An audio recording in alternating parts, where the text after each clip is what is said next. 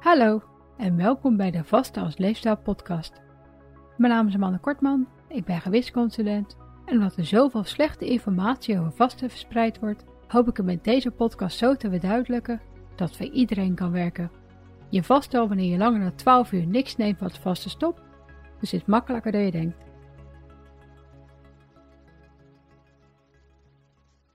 Welkom bij aflevering 44. In deze dubbele aflevering bespreek ik wat welvaartsziekten zijn en wat de invloed van leefstijl kan zijn op het ontstaan ervan. Deze ziektes kunnen uiteraard ook in de familie zitten, door medicatie komen of je kan gewoon pech hebben. Maar ze hebben een heel erg sterk verband met het hebben van een slechte leefstijl en daar ga ik in deze aflevering dan ook vanuit. Ik heb de welvaartsziekte al in eerdere afleveringen kort benoemd en zoals je ongetwijfeld wel weet, werken verstandig vasten, gezond eten, voldoende bewegen, goed slapen, stressvermindering, het hebben van een gezond gewicht en niet roken of alcohol drinken er goed tegen om ze zoveel mogelijk te voorkomen. Helaas is het volgen van een gezonde leefstijl om ze te voorkomen erg lastig in onze obesogene omgeving. En dat is dan ook de kern van het probleem. Welvaartsziekten zijn namelijk ziekten en aandoeningen die veel voorkomen in landen met een zogenaamde welvarende leefstijl. Hieronder valt bijvoorbeeld de luxe om te veel te kunnen eten en om bijna alles zittend te kunnen doen.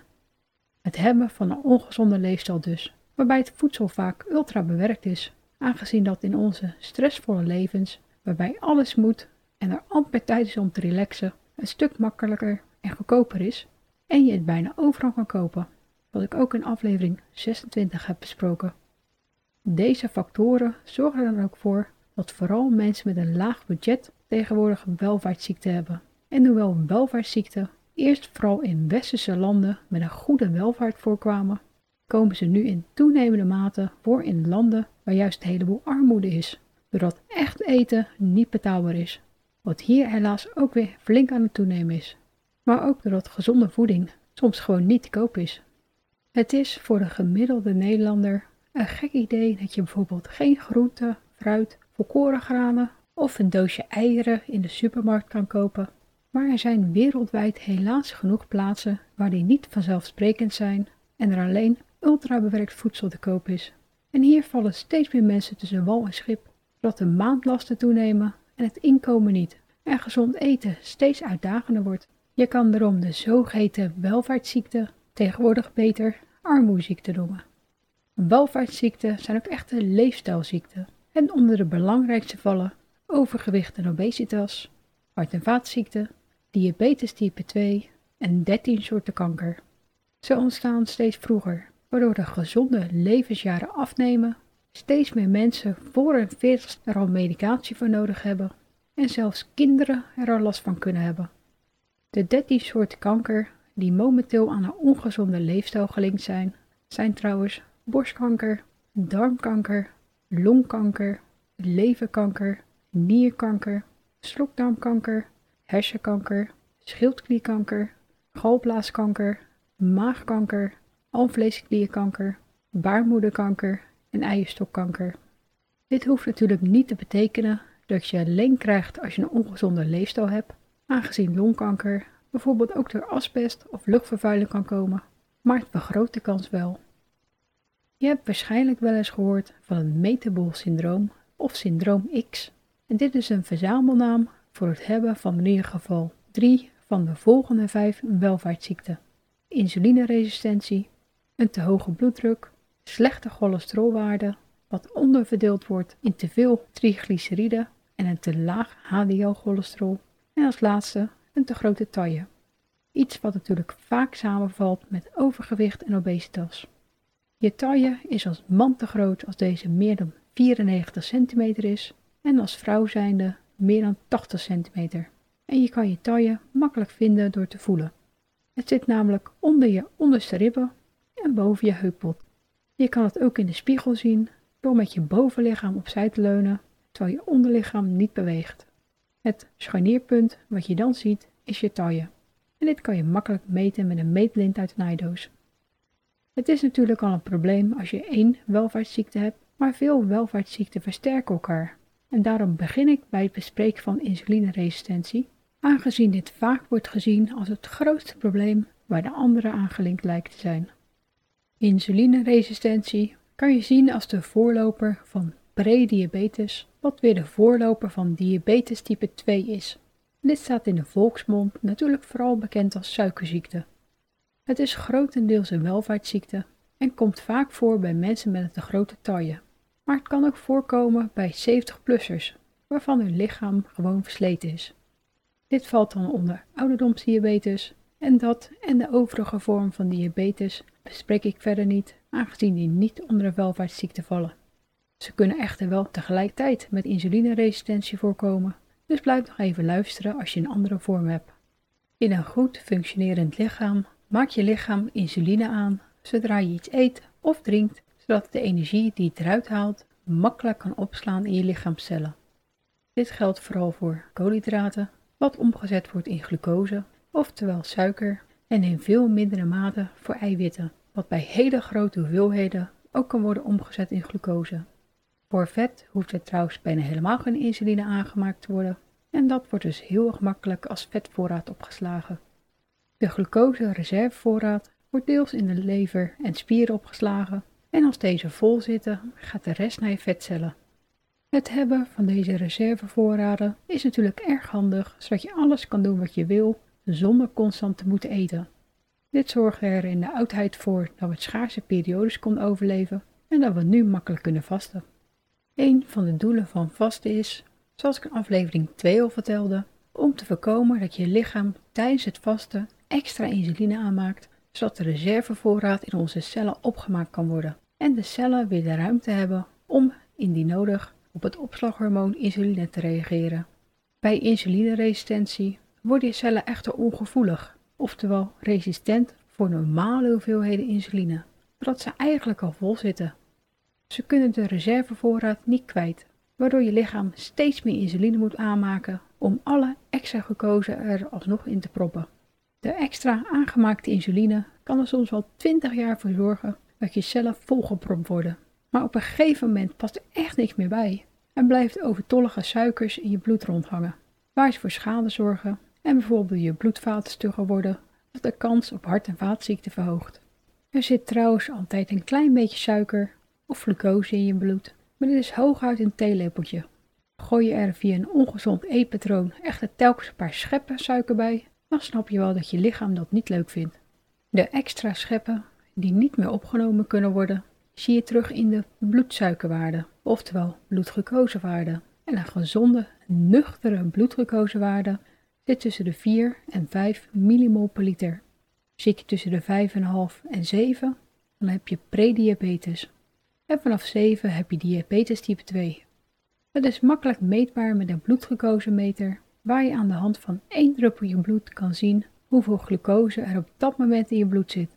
En ik meet deze regelmatig bij cliënten. Dit is vaak natuurlijk niet nuchter en hiervoor geldt dat een waarde tussen de 4 en 7,8 goed is. Voor het meten van de hoeveelheid insuline die je lichaam nodig heeft om de glucose in je cellen te doen, is er helaas nog niet zo'n simpel apparaatje te koop. Maar dat kan je via je huisarts of een laboratorium laten bepalen door het bloed te laten prikken. Deze test noemen ze de HOMA-IR-test. Ik heb eerlijk gezegd geen idee hoe moeilijk het is om deze via je huisarts aan te vragen, maar als ik snel google, kom ik op een prijs van rond de 40 euro bij diverse laboratoria. Ik heb het echter nog nooit laten doen of iemand geadviseerd om te laten doen, aangezien insulineresistentie diverse vage symptomen kan hebben, die velen ook zonder bloedtest wel bekend zullen voorkomen. Dit zijn de meest voorkomende. Een vaak trek in zoetigheid, de dag niet door kunnen komen zonder tussendoortjes, zelfs als de maaltijden groot genoeg zijn, geïrriteerd of trillerig worden als je niet bij tijds kan eten, zoete trek na de maaltijd, sowieso bijna altijd honger hebben, vermoeidheid na de maaltijd, concentratieproblemen, een verhoogd cholesterol, nierproblemen, niet-alcoholische leververvetting, een te grote taille en overgewicht of zelfs al obesitas. Komen een aantal van deze bekend voor, dan is de kans op insulineresistentie erg groot. Ze kunnen natuurlijk ook andere oorzaken hebben, maar vooral de combinatie van een aantal van deze vergroot de kans erop. Gelukkig kan je je cellen weer leger en dus gevoeliger maken door te vasten en door te sporten. In beide gevallen verbruik je tenslotte je reservevoorraad. Hiernaast zijn ketogeen en koolhydraatarm eten ook vaak effectief, aangezien er dan minder suikers binnenkomen om opgeslagen te worden. Sommigen zweren trouwens juist bij vetarm eten, dus als je je niet goed voelt bij het beperken van je koolhydraten, is dat ook nog een optie. Vooral de combinatie van veel koolhydraten en vetten en te weinig vezels en eiwitten lijkt funest. Dus door vooral vezelrijke koolhydraten te eten en je eiwitten te verhogen, komen velen ook al ver. Of je begint gewoon met vasten en dan voel je zonder berekeningen of het tellen van voedingsstoffen vanzelf wel wat jij nodig hebt. Vasten zorgt er tenslotte voor dat je erg intuïtief gaat eten. Let er trouwens wel op dat de net genoemde er soms al binnen een paar weken voor kunnen zorgen dat je minder medicatie nodig hebt als je die gebruikt. Iets wat ik ook bespreek in aflevering 22. En ook bij diabetes type 1 kan het helpen. Velen worden namelijk uiteindelijk ook insulineresistent en hebben dan diabetes type 1 en 2, waardoor ze steeds meer insuline moeten spuiten om hun bloedglucosewaarde goed te houden. Let bij diabetes natuurlijk wel extra op je bloedglucosewaarde als je je leefstijl aanpast om te voorkomen dat je te veel insuline spuit of medicatie gebruikt en een levensgevaarlijke hypo krijgt. En doe het dan ook alleen als je goed ingesteld bent na overleg met je arts en diëtist. Wil je toch gewoon beginnen met vasten? Kijk dan eerst naar wat 12 tot 14 uur vasten zonder tussendoortjes voor je doet. En vanaf daar kan je het altijd nog heel voorzichtig opbouwen, zoals ik ook in afleveringen 5 en 6 heb besproken. Komen de eerder genoemde insulineresistentiesymptomen je trouwens bekend voor? En heb je ook last van klachten zoals altijd dorst hebben, vaak moeten plassen, vermoeidheid, slecht genezende wondjes, jeuk, terugkerende infecties en misschien zelfs al slechter wordende ogen, dan kan dit wijzen op diabetes. En is het belangrijk om je bloedglucosewaarde te laten controleren bij je huisarts, zodat je complicaties kan voorkomen. Onder de complicaties vallen namelijk naast beschadigde bloedvaten met hart- en vaatziekten als gevolg ook problemen met je zenuwen, nieren en ogen en het kan uiteindelijk zelfs leiden tot amputaties. Het is verder gelinkt aan sarcopenie, oftewel spierverlies, doordat de aanmaak en afbraak van spieren verstoort en de insulineresistentie daardoor zelf ook weer verhoogt. En het is gelinkt aan een aantal kankersoorten en aan mentale problemen zoals depressie en Alzheimer. Alzheimer wordt soms zelfs diabetes type 3 of diabetes van de hersenen genoemd vanwege de insulineresistentie die daar ontstaat. Diabetes type 2 geeft hiernaast een 50% grotere kans op de ziekte van Alzheimer, wat de meest voorkomende vorm van dementie is. Gelukkig kunnen velen hun bloedwaarde weer goed krijgen door hun leefstijl te verbeteren en naast sporten is ook vast hier erg effectief voor en op lange termijn makkelijk vol te houden om op een gezond gewicht te blijven. 5 tot 10 procent afvallen verbetert de bloedwaarde vaak al, maar je moet het gewicht er ook af weten te houden. En het yo-yo-effect waarbij je telkens weer aankomt nadat je succesvol bent afgevallen, is niet voor niks erg berucht onder diëters. Maak je van vasten echt je leefstijl? Dan hoef je je schema alleen maar af en toe de omstandigheden ietsjes aan te passen, zoals ik ook in aflevering 14 heb besproken. Voordat ik overging op het 18.6 had ik ook een aantal symptomen van insulineresistentie, hoewel ik dus al jaren gezond eet en mijn BMI en taille al goed waren. Door mijn rug kan ik echter niet voldoende bewegen, had hormoonmedicatie die ik voor mijn endometriose nodig had insulineresistentie als bijwerking en zorgde pijn van beide voor chronische stress. Ik weet dus precies waar het aan lag. Door dagelijks lang genoeg te vasten zijn de insulineresistentiesymptomen gelukkig helemaal weg en een deel van mijn endometriose symptomen ook, doordat vasten ontstekingsremmend werkt en de hormoonmedicatie niet meer noodzakelijk is.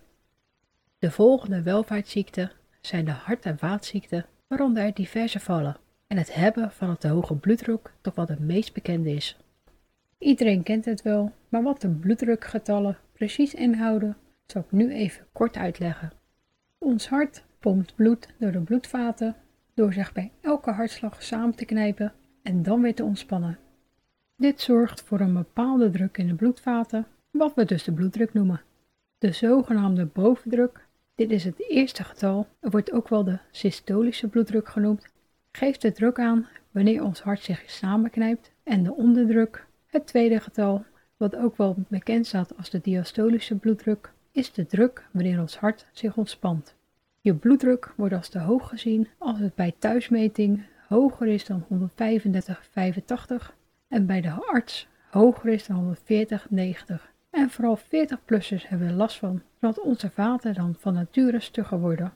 Ze zien het echter tegenwoordig zelfs al bij kinderen die veel ultrabewerkt voedsel eten en vooral dranken in de vorm van vruchtensap en frisdrank drinken en daarnaast niet genoeg bewegen.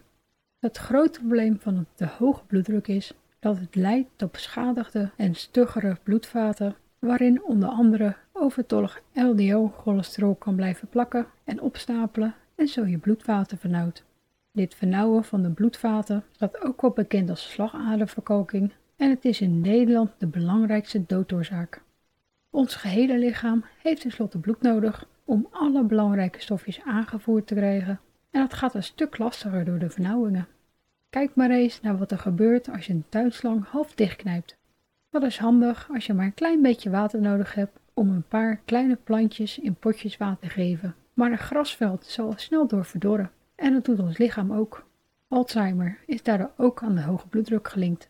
Een hoge bloeddruk kan ook leiden tot chronische ontstekingen en orgaanschade in bijvoorbeeld je ogen of nieren en doordat je hart harder moet werken om je bloed rond te pompen door steeds smallere aderen slijt het sneller.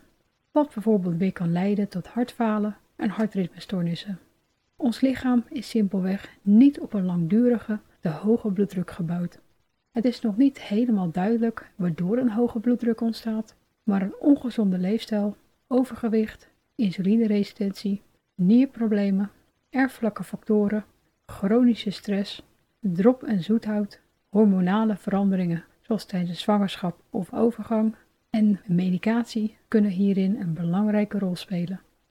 Om de kans op een hoge bloeddruk te verlagen, worden we natuurlijk al jaren verteld dat we onze zoutinname moeten verlagen, aangezien de meeste ruim boven de dagelijkse aangeraden 6 gram komen. En dit ervoor kan zorgen dat je meer vocht vasthoudt, wat weer kan leiden tot een verstoord vochtbalans en een hoger bloeddruk. Maar ik zou nog veel meer focussen op je dagelijkse hoeveelheid toegevoegde suikers. Toegevoegde suikers, vooral in de vorm van fructose, zijn namelijk in verband gebracht met hyperuricemie. Dit is een stofwisselingsziekte waarbij de urinezuurspiegel te hoog is, wat naast jicht en nierstenen ook oxidatieve stress kan veroorzaken, insulineresistentie kan verergeren, slagaderverkalking kan veroorzaken en onze water- en zouthuishouding verstoort en zo de bloeddruk kan verhogen. Oftewel, te veel toegevoegde suikers ontregelen, net als te veel zout, ons vochtbalans, wat kan leiden tot een te hoge bloeddruk. Alleen je zout beperken tot 6 gram per dag lijkt dus niet altijd voldoende. Hiernaast reageert niet iedereen op zoutbeperking en kan het niet effectief genoeg zijn, terwijl het soms maar een klein beetje kan schelen. Vooral de toegevoegde suikers verminderen tot maximaal 25 gram per dag is daarom dus belangrijker. En vergeet niet dat de kalium, die in onder andere aardappelen, pulvruchten, noten en natuurlijk groente en fruit zit, de natuurlijke tegenhanger is van de natrium die in zout zit, zoals ik ook in afleveringen 34 heb besproken.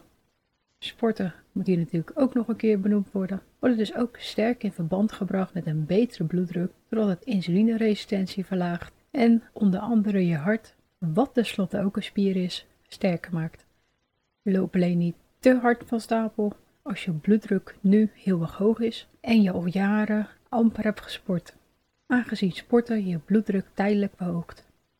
Kijk daarom naar wat je nu kan en begin bijvoorbeeld met wandelen, fietsen of baantjes zwemmen en overleg met je arts wanneer je het kan opbouwen. Het meten van je bloeddruk is gelukkig iets wat je makkelijk thuis kan doen met een bloeddrukmeter en ook dat doe ik regelmatig bij cliënten aangezien het meestal pas symptomen geeft als je bloeddruk echt te hoog is en het vaak vage zijn, zoals hoofdpijn, vermoeidheid, misselijkheid, kortademigheid en rusteloosheid. Dat zijn natuurlijk geen symptomen die je als leek snel zou linken aan je bloeddruk en eerder aan zoiets als stress. iets wat trouwens al voldoende kan zijn om je bloeddruk te verhogen. Het hebben van een hoge bloeddruk zit vaak in de familie en ook in de mijne. Maar tot nu toe is mijn bloeddruk nog perfect en hopelijk blijft dat zo, dat het hebben van een gezonde leefstijl een groot verschil kan maken en in ieder geval de kans kleiner kan maken of het zou uitstellen. Je houdt de tand destijds tenslotte niet helemaal tegen, maar ik heb liever ik zonder welvaartsziekte als 80-plusser op een ochtend niet meer wakker word, dan dat ik ieder jaar een pilletje extra moet slikken om misschien dezelfde leeftijd te halen, wetende dat ik het merendeel had kunnen voorkomen. Naast de hoge bloeddruk, hartinfarct, hartfalen en hartritmestoornissen zijn er natuurlijk nog diverse andere vormen van hart- en vaatziekten en voor de volledige lijst kan je kijken op de website van de Hartstichting die ik gelinkt heb. Voor de meeste geldt dat het hebben van een hoge bloeddruk een mogelijke oorzaak is, dus houd je bloeddruk in de gaten en laat deze ook als 40 minder jaarlijks meten, zodat je weet waar je toe bent en misschien wel vaker als het in de familie zit of als je overgewicht of obesitas hebt. Gebruik je trouwens bloeddrukmedicatie en werk je aan je leefstijl? Let hier dan extra goed op, want ook deze kan binnen een paar weken flink dalen, waardoor je al snel te veel medicatie slikt en last krijgt van bijvoorbeeld thuisligheid. Houd het daarom goed in de gaten en bespreek met je arts vanaf welke waarde je het mag afbouwen. Voor nu houd ik het hier even bij en ik hoop dat ik nu wat meer duidelijkheid heb gekregen over insulineresistentie en hart- en vaatziekten en lees ook zeker de links door als je er meer over wilt weten. In deel 2 bespreek ik overgewicht en obesitas en de leefstijl gerelateerde kankersoorten.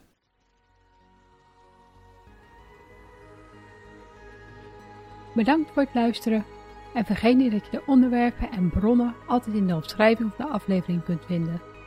Weet je niet zeker of sommige tips of adviezen ook voor jou geschikt zijn? Bespreek ze dan natuurlijk altijd met je arts. Heb je nog vragen of opmerkingen? Of heb je behoefte aan persoonlijke begeleiding? Kijk dan op valerien.nl voor meer informatie.